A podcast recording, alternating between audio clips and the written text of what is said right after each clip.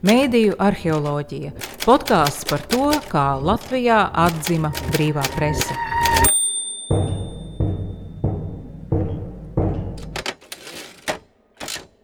Tātad sveiki, man sauc Rīta Ruduša, un šodienas Satorija podkāsta viesis ir Oļegs Ignāķevs. Sveiki, Oļeg! Sveicināti! Manuprāt, bez Oļega nav iespējama saruna par kvalitatīvās žurnālistikas krievu valodā attīstību Latvijā. Oļegs ir bijis lielākoties televīzijas žurnālists un strādājis gan sabiedriskajā televīzijā, un daudzi varbūt viņu atceras kā Točkina dīpunkti uz diskusiju programmu vadītāju, bet arī ir strādājis TV5, par ko šodien mēs esam gandrīz jau aizmirsuši, jo ir uzslāņojušies citi ar mēdījiem saistīti skandāli, vai ne? Bet es tieši ar TV5 gribēju sākt, jo man es tā Tev raksturīgā iezīme ir, ka tu arī iestājies ļoti stingri par žurnālistu neatkarību, redakcionālo neatkarību. Un tieši TV5 gadījumā tu teici šādus vārdus vienā intervijā. Kad nācu uz TV5, man solīja, ka varēšu strādāt pēc žurnālistikas principiem. Taču pēc tam man bija sajūta, ka mani mēģina pataisīt par prostitūtu, tajā pašā laikā mēģinot izdarīt tā, lai es turpinu izskatīties pieklājīgi. nu, tāds eh, diezgan, diezgan spilgts citāts. Vai tu atceries tos apstākļus, kādos tu runāji tieši šādiem vārdiem par notikumiem TV5? Es uh, domāju, ka tas bija pēc manas atlaišanas, kuru mēģināju padarīt tādu diezgan klusu un nemanāmu, jo pirms manis atlaida ziņu dienesta vadītāja Vladislava Andreju, kurš būtībā ir izveidojis to TV5 ziņu dienestu, kuru novērtē gan skatītāji, gan krievalodīgie, gan latviešu runājošie. Tātad tas bija pilnvērtīgs ziņu dienests eh, krievu valodā, ja televīzija. Absolūti. Jā. Pirms tam tur arī bija kaut kāds veidojums, kur strādāja mani kolēģi, ar kuriem pēc tam es arī strādāju kopā TV5, bet kad eh, TV5 kopā ar LNT nopirka Merdoka grupa, tad arī parādījās nauda lai veidotu kaut ko nopietnāku. Toreiz jā, tur veidoja tādu ziņu korsēti visam kanālam, jo tolaik bija nu, tāds projekts, kā TV5 uh, sēja būs informācija, līdz ar to arī ziņas. Un bija rīta programma, bija divi ziņu izlaidumi vakaros. Bet vienvārds sakot, es sākumā strādāju par producentu rīta programmā. Tā kā es sevi tur parādīju, man pēc tam uzaicināja turpināt jo es kādu brīdi aizgāju, tāpēc, ka es dabūju pa galvu par to, ka neatnāca divi viesi pēc kārtas. Tie cilvēki, kuri veido rīta programmu, es domāju, mani bijuši kolēģi, producenti, viņi saprot, ko tas nozīmē. Ja? Ka tev divu stundu laikā ieplānots apmēram 15 minūšu sarunas Un cilvēki vienkārši neatnāk. Jā, viens eh, piezvanīja, tāpēc, ka neatnāks jau ir sastrēgumos. Te bija, protams, politiķi un cilvēki, kuri nu, bija aizņemti pēc būtības. Nu, lūk, tad es uh, vienkārši aizgāju, uh, un mani pēc tam atkal uzaicināja. Un ļoti ātri es tev pateikšu, ka īstenībā varbūt nekas nebūtu, ja neviena sakritība. Tā viena sakritība ir viens rīts, Tātad rīta programmu, līdzīgi kā rīta pārnārām vai 900 sekundes, kuras es biju producents. Un uh, viens vadītājs aizmirsa uzstādīt modinātāju. Kas rīta programmas vadītājam ir diezgan svarīgi. Tieši tā. Un tuvojas tas brīdis, kad mums jāiet etrā un cilvēka nav. Režisori kliedza, ko darīt, ko darīsim. Iekāpi kadrā. Es minūtes laikā aizskrēju uz ģērbtuvi, uzvilku kaut kādu uzvalku. bez jebkāda grīma, bez frizūras, bez nekā. Es eh, tad arī parādījos kadrā. Es nolasīju ziņas eh, visu rītu.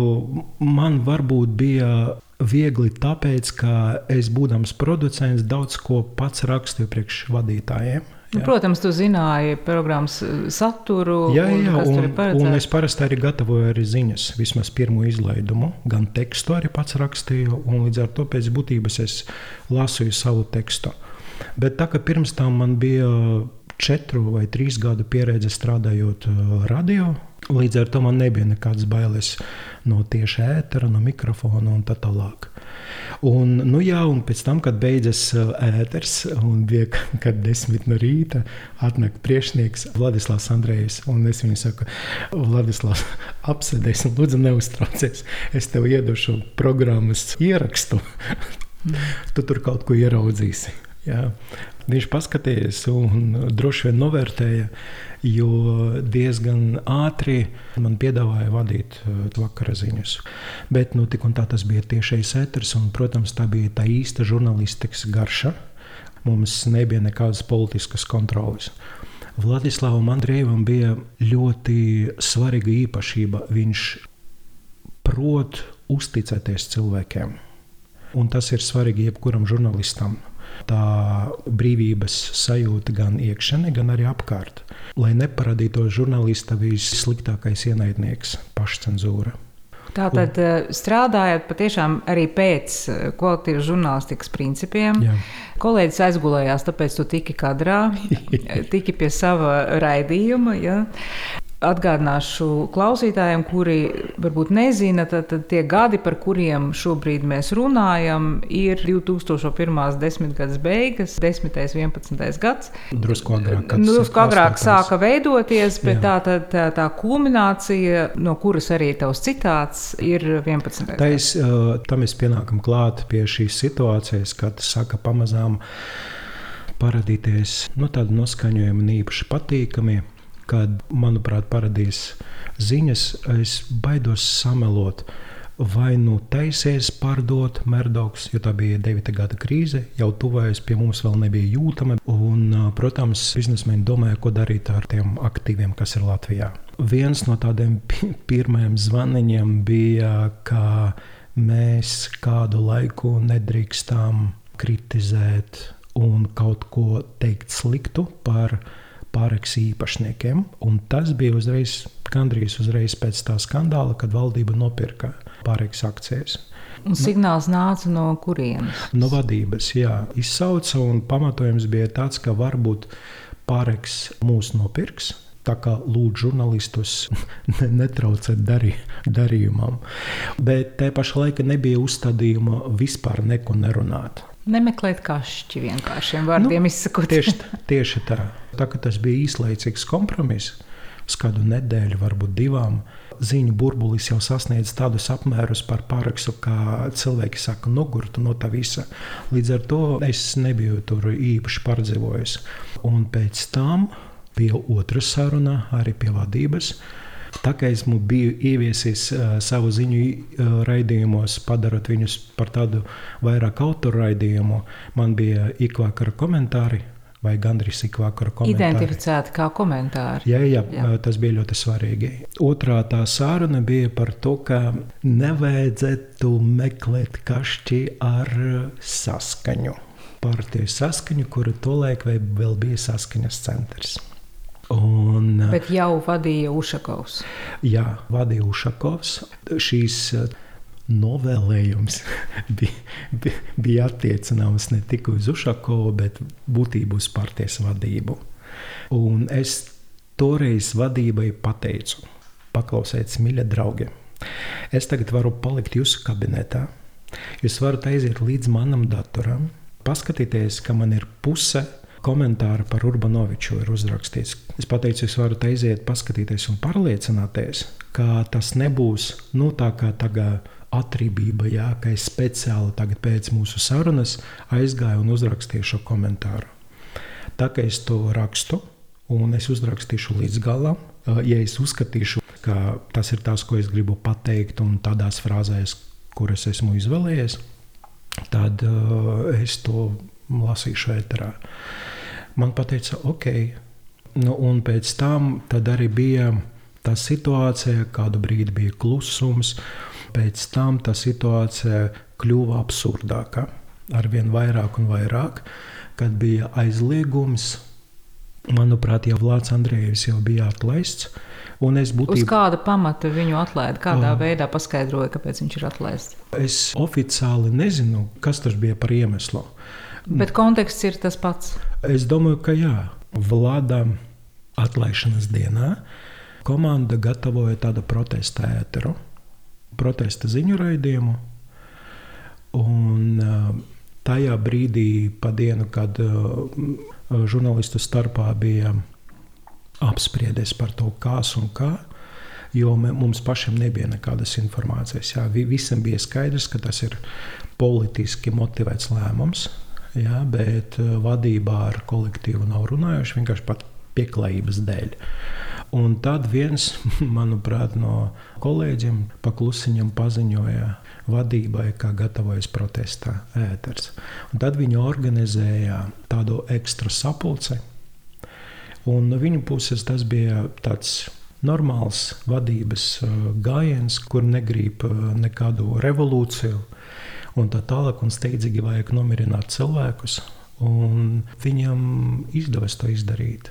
Jā, Respektīvi, nebija protesta. Nē, nē, nē par, par to es domāju, ziņotu arī citi mēdīji. Bet tik un tā es zināju, ka esmu nākamais.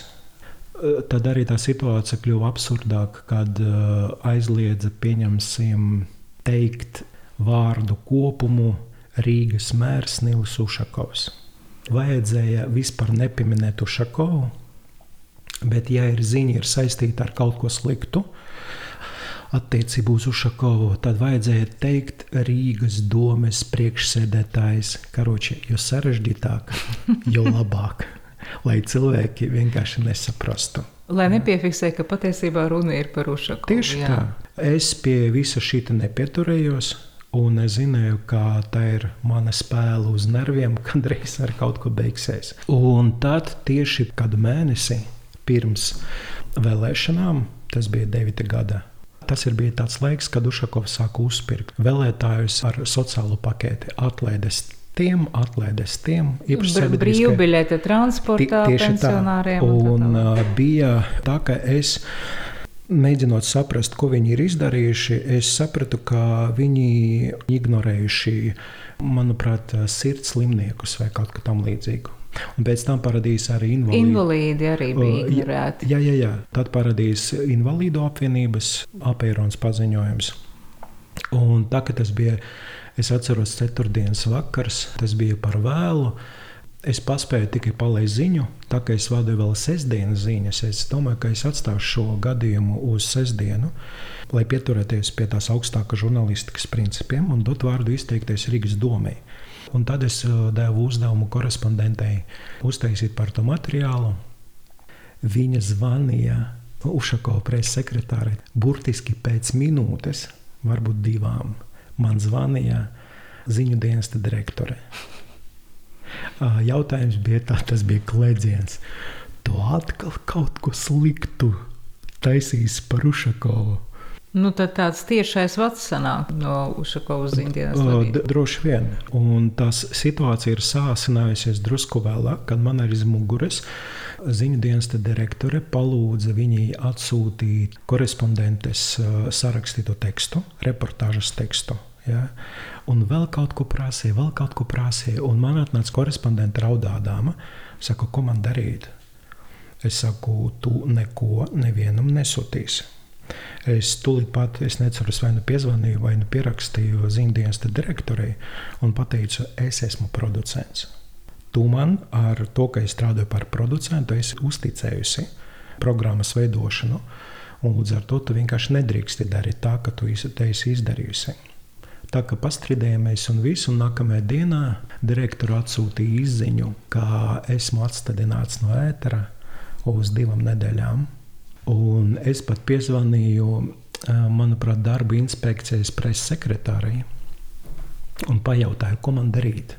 Viņa man teica, kādus papīrus man jāpalūdz, jā, ka tur jābūt papīram ar paskaidrojumu, kāpēc esmu atstādināts. Un, protams, kad es to palūdzu izdarīt, tad vadība bija spiesta atzīt, ka jā, tev ir taisnība, un līdz ar to tev ir iespēja atgriezties ēterā kaut rītdien. Es pateicu, nē, es neatgriezīšos, ja kā morāla kompensācija es gribu nedēļu atpūsties. Viņi saka, ok, tad es ne, ne, nedēļu man bija atpūta. Godīgi pelnīja, godīgi pelnīta, jo es strādāju kā vēlams vienkārši. Un tad divas nedēļas pirms vēlēšanām manis izsauca vadība, kurā arī man pajautāja, vai tu varētu lūdzu divas nedēļas, kuras atlikušas līdz vēlēšanām, savā programmā Ušakovu vispār nepieminēt. Pat tu, ja lasi neitrālu ziņu par Ušakovu, tik un tā tas iespējas rodas ļoti slikti. Vienkārši tad, kad Oļegs Ignācijos izrunā uzvārdu Ušakovs, tad uzreiz visiem, visiem ir skaidrs, tieši, ka nebūs labi. Tieši tā. Un zini ko? Es piekrītu šai spēlei, bet Es papilnu vienkārši izmantoju daudz gudrāku cilvēku viedokļus, attiecīgi, proti, ekspertus. Ja, un es tāpat komentēju saskaņas un Ušakova darbības. Tikai ne pats. Tikai ne pats ar, ar citām rokām. Un e, pēc būtības es neesmu pārkāpis mūsu vienošanos. Jā. Es pats neko nerunāju par Ušakovu. Tu jau arī viltīgs. Jā? E, šai, ne, šai ziņā, jā, zini, kāpēc. Pirmkārt, es vienmēr uzskatīju, ka man kā žurnālistiem jāizmanto iespēja palikt kadrā pēc iespējas ilgāk. Cik nu var izturēt, jo es strādāju jau ne priekš sevis. Es jau nestrādāju priekš vadības. Es strādāju, cik tas patetiski neskaniet, priekš tiem cilvēkiem. Jā kuru uzticību man palēmējas iegūt. Protams, bija tāds spiediens no PBK sava ziņa monopolijas, jo, protams, mēs nevarējām sacensties ar PBK. Ir skaidrs, ka Krievijas kanāls Latvijā nekad nevarēs atļauties. Jā, nu, Darguma dēļ. No turienes nāca tā propaganda jā, par saskaņu un par Ušakovu. Jā, jā Ušakovam un saskaņas centram bija ļoti ciešas attiecības ar, ar PVK ziņu ma dienestu, ma maigi izsakoties. Ma ma maigi izsakoties. Tas arī uh, mums kā žurnālistiem vai man kā žurnālistiem ļāva nu, domāt, ka mums jāpievērš uzmanība, lielāka uzmanība tai saskaņai. Tieši atlaišanas brīdī es tā saskaitīju, kā saskaņā bija labas attiecības ar deviņām redakcijām. Gan krievu valodā, gan latviešu valodā. Ja.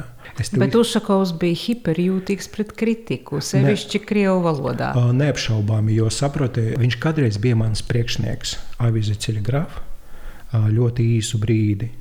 Un pēc tam mēs kopā tusējām dažreiz kaut kādās žurnālistu kompānijās. Mēs nebijām nekādi draugi, jā, bet nu, tā paziņas varējām pajautāt, kā iet un tā tālāk. Kad viņš piekrīt uh, iet politikā, viņš droši vien nesaprata, ka ir cilvēki, kuri nu, sadala attiecības un profesiju. Ja? Tas ir ļoti svarīgi. Un, līdz ar to mūsu attiecības ir krasi mainījušās. Bet tajā pašā laikā es tev pateikšu, ka, kad es zvanīju vai rakstīju Ušakovam, kad man bija vajadzīgs komentārs, tad viņš parasti atbildēja. Principā viņam vajadzētu, protams, atbildēt. Viņš jau gan līdzīgi uzvedās arī ar uh, citām redakcijām, piemēram, sabiedriskajā televīzijā. Viņš konsekventi nāca tikai uz rīta panorāmu, jo mm. tas ir vieglāks un maigāks formāts. Nekad Skaidrs. nenāca teiksim, uz viens pret vienu un tam līdzīgi. Nu, tur bija tāds bija hiperjūtīgais elements, bet Nekšana. man nebija ienācis prātā, ka varbūt tas ir tiešām saistīts ar viņa žurnālista pagātni un tas, ka viņam liekas, ka nu, žurnālisti nosacīti savējo nekritizēs. Bet Jā. es tev pārtraukšu tagad ar TV5, jo šis, šo gadījumu bija vērts eh, aplūkot tiešām detalizēti, tāpēc, ka tas ir, ir vairāki tā, līdzīgi gadījumi Latvijas žurnālistikā, bet tik tāds uzkrītošs spiediens tieši uz krievu valodu žurnālistiku, es domāju, ir tāds vienīgais, ja, kad patiešām konsekventi tika izdarīts eh, būtībā beigās jau politisks spiediens uz ziņu dienestu. Bet TV5 pieci. Vēlākajos gados vispār pazuda no tas bija. No tas, tas, tas notika uh, pēc vēlēšanām, burtiski tas bija Ziemassvētki. Un man izsauca tāpat zīmēs direktora ar izziņu, vai tu varētu būt pēc stundas mums vajag aprunāties. Saruna bija ļoti īsa. Viņa teica, kompānija, tavu pakalpojumu vairs nav vajadzīgi. Burtiski tajā pašā minūtē man palūdza savākt visas mantas, un pēc tam mani pat neielaida ēkā. Bet es uzskatīju, ka vienkārši izmest mani kā suni, ja, kurš nu, nokalpoja savu, un tagad esi brīvs. Nē. Un, līdz ar to man bija smieklīga situācija, kad būtībā juridiski mēs bijām tur zem LNT, kaut kas tam līdzīgs. Un es atceros, bija man izsaukusi LNT direktori, viņi saka, ko tu gribi? Es saku, es gribu atlaišanas pabalstu normālu. Un tā dienas direktorē viņa nepiekrīta tam. Žurnālistiem TV5 vismaz maksāja vairāk kā honorāri. No oficiālā alga bija niecīga. Te varētu arī parunāt par žurnālistu sociālo aizsardzību. Protams. Jā, jā, tā ir diezgan liela problēma. Kaut arī honorāri viss bija nu, tā, tā teikt, ar visiem atskaitītiem nodokļiem. Vien, vienkārši kā honorāriem toreiz vēl, vēl tā bija sistēma, ka honorāriem bija mazāka nodokļu likme. À, mana oficiāla alga teiksim, tā, ar visu sociālo paketi toreiz bija nu, tā minimāla alga, 120, manuprāt, kaut kas tamlīdzīgs. Un tad LNT direktori man piedāvāja, tev ir visas tiesības pēc darba likuma nākt uz darbu un strādāt. Lūk, tev ir galds Viņa norādīja roku uz kaut kādu tukšu galdu. Mēs tur uzstādīsim datoru, ja tu vari nākt un strādāt. Un saņemsim 20.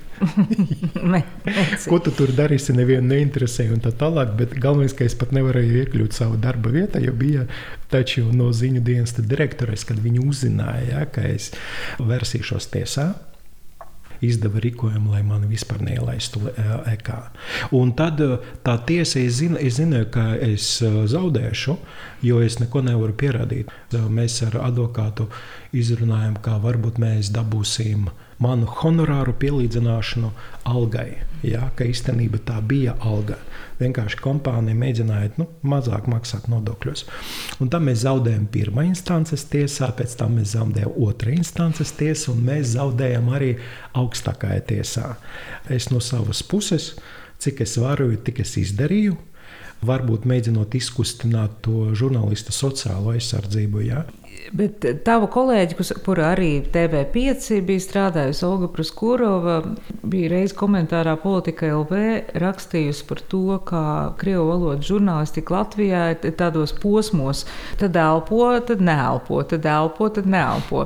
Parādās kaut kādas jaunas iespējas, tad viņas sarūk līdz minimumam un paliek tikai tur um, starp hokeja spēlēm pārtraukumos mazas ziņas, nu, un LR4, un tad atkal parādās jaunas iespējas. Jā.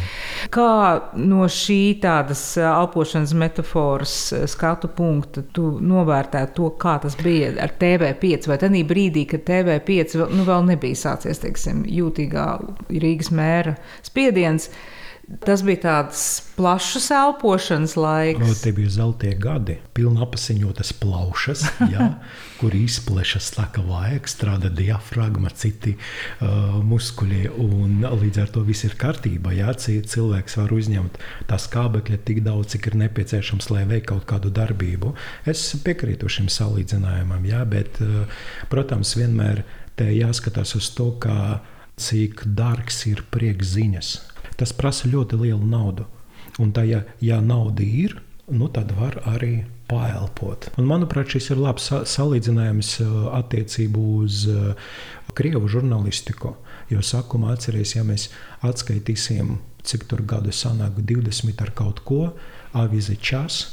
Ja, kur līdz tam brīdim, kad galvenā redaktore bija iestājusies pēc TVL un bija pēc TVL domas deputāti, Ksīņa Zagarovskaja. Nu, lūk, arī Časam bija sava niša, bija uzticība šajā vīzē, ja? kamēr atkal nesākas kaut kādas finansiālas problēmas ar visām no tā izrietošajām sekām. Ja? Pēc tam avīzē ceļa grāfa. Tā laiku paliekam notiek. Pēc tam parādījās TV5. Ja? Pēc tam atkal plaušas saplok, un pēc tam bija arī LTV 7 Krievu ziņu dienas redakcijā. Ar daudziem cilvēkiem es arī gāju no avīzes, tur, kam ir Sāna Balcika dēļa vai avīzes telegrāfa, ar kuriem mēs sēdējām tur galdu pret galdu. Un pēc tam vienkārši bijām pārgājuši no, no vienas redakcijas uz no otru. Vienas no vienas iespējas uh, radīt kvalitatīvu žurnālistiku Krievijas valodā uz nākamo iespēju. Nu, tu jau pieminēji LTV 7, un es gribēju noslēgumā arī par šo tavu profesionālās darbības posmu parunāt.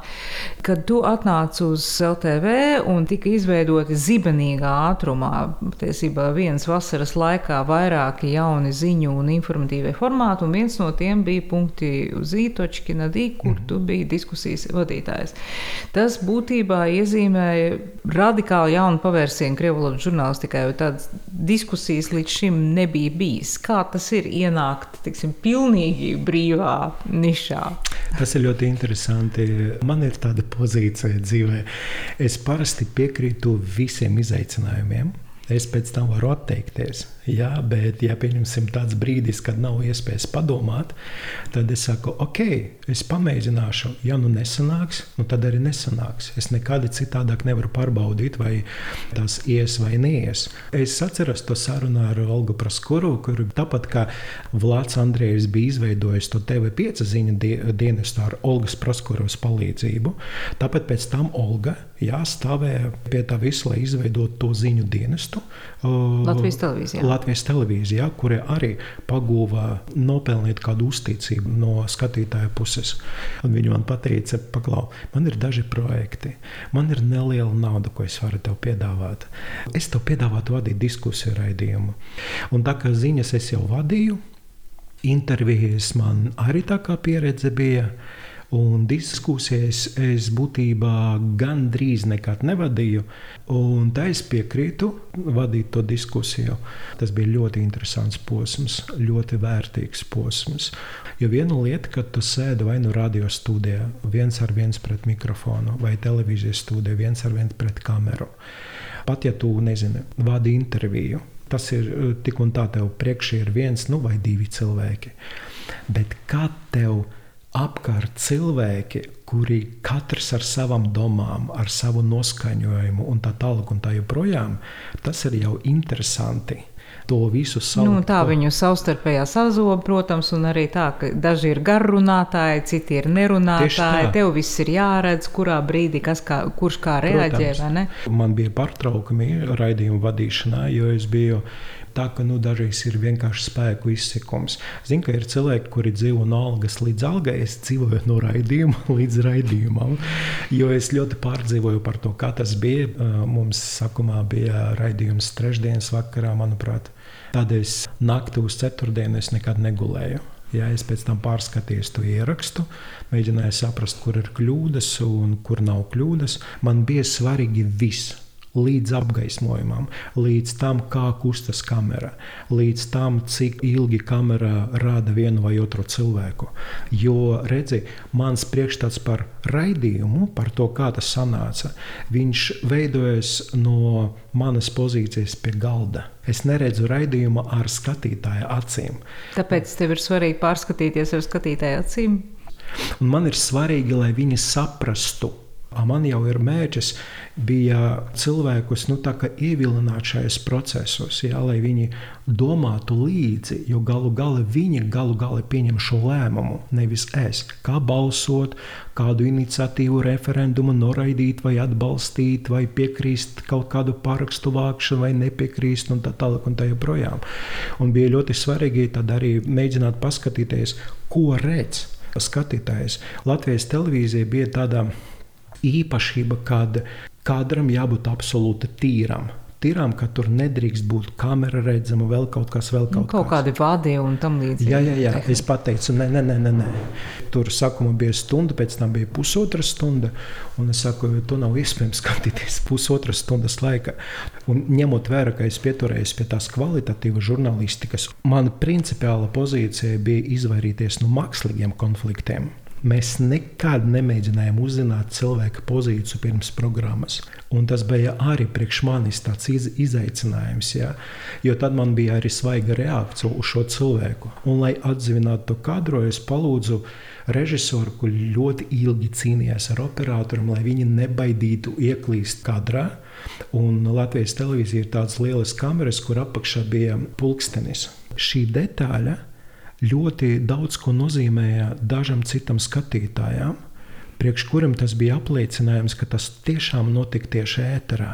Es pieminēšu, ka tu par šo darbu, tieši par punktu uz ieru, esi dabūjis Latvijas žurnālistu asociācijas izcilības balvu.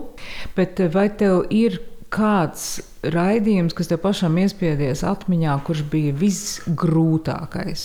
Nu, tie paši bērnu nāmi, ja ir emocionāli tīri. Emocionāli smagi. Es atceros, ka gatavoju šo programmu, toreiz psihologe, kura bija šī skandāla iniciators. Es atceros, bija uz Rīgu atbraucis Edvards Reģinskis, kurš ir vēsturnieks un publicists, un es ļoti sapņoju būt viņa, viņa koncertā. Man nākamajā dienā ir raidījums par bērnu namiem, un mani producenti neizdevās pierunāt šo sievieti būt raidījumā. Viņa ir tā kā galvenais varonis, un karoči, es visu koncertu stāvot fājē, mēģināja pārliecināt šo nabaga sievieti, lai viņa atnāktu uz manu raidījumu.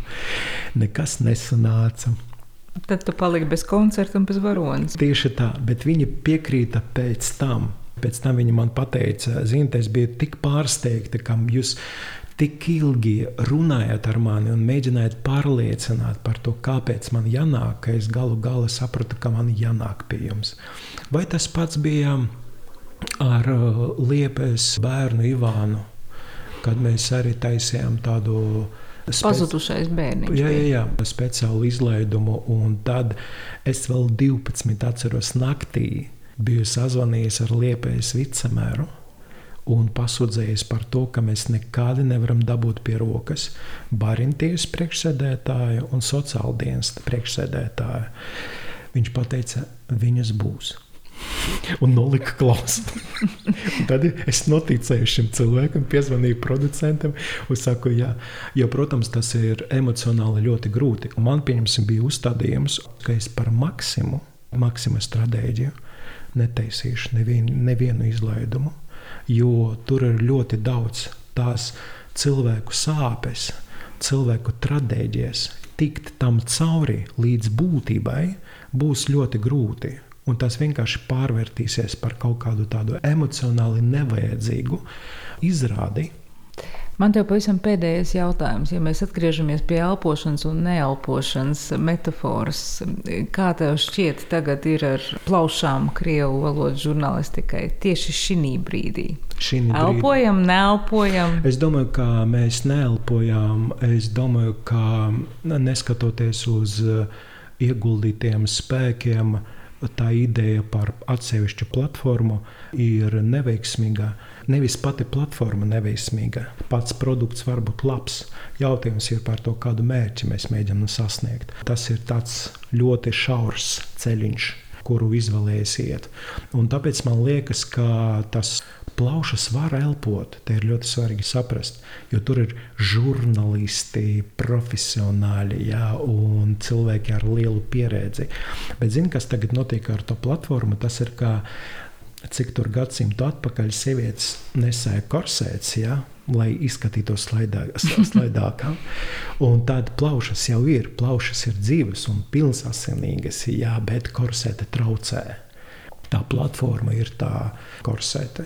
Es ceru, ka varbūt tā politiskā doma aizies galu galā līdz kaut kādām projektām, kuram ir liels mērogs, un kad mēs tomēr nepalaidīsim iespēju runāt ar krievvalodīgiem iedzīvotājiem, jā, viņu valodā.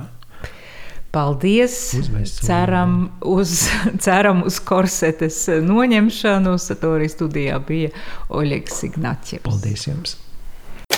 Podkāstu tapšanu finansē Mēdīju atbalsta fonds. Klausieties arī pārējos šīs sērijas podkāstus un lasiet rakstus Satorijā.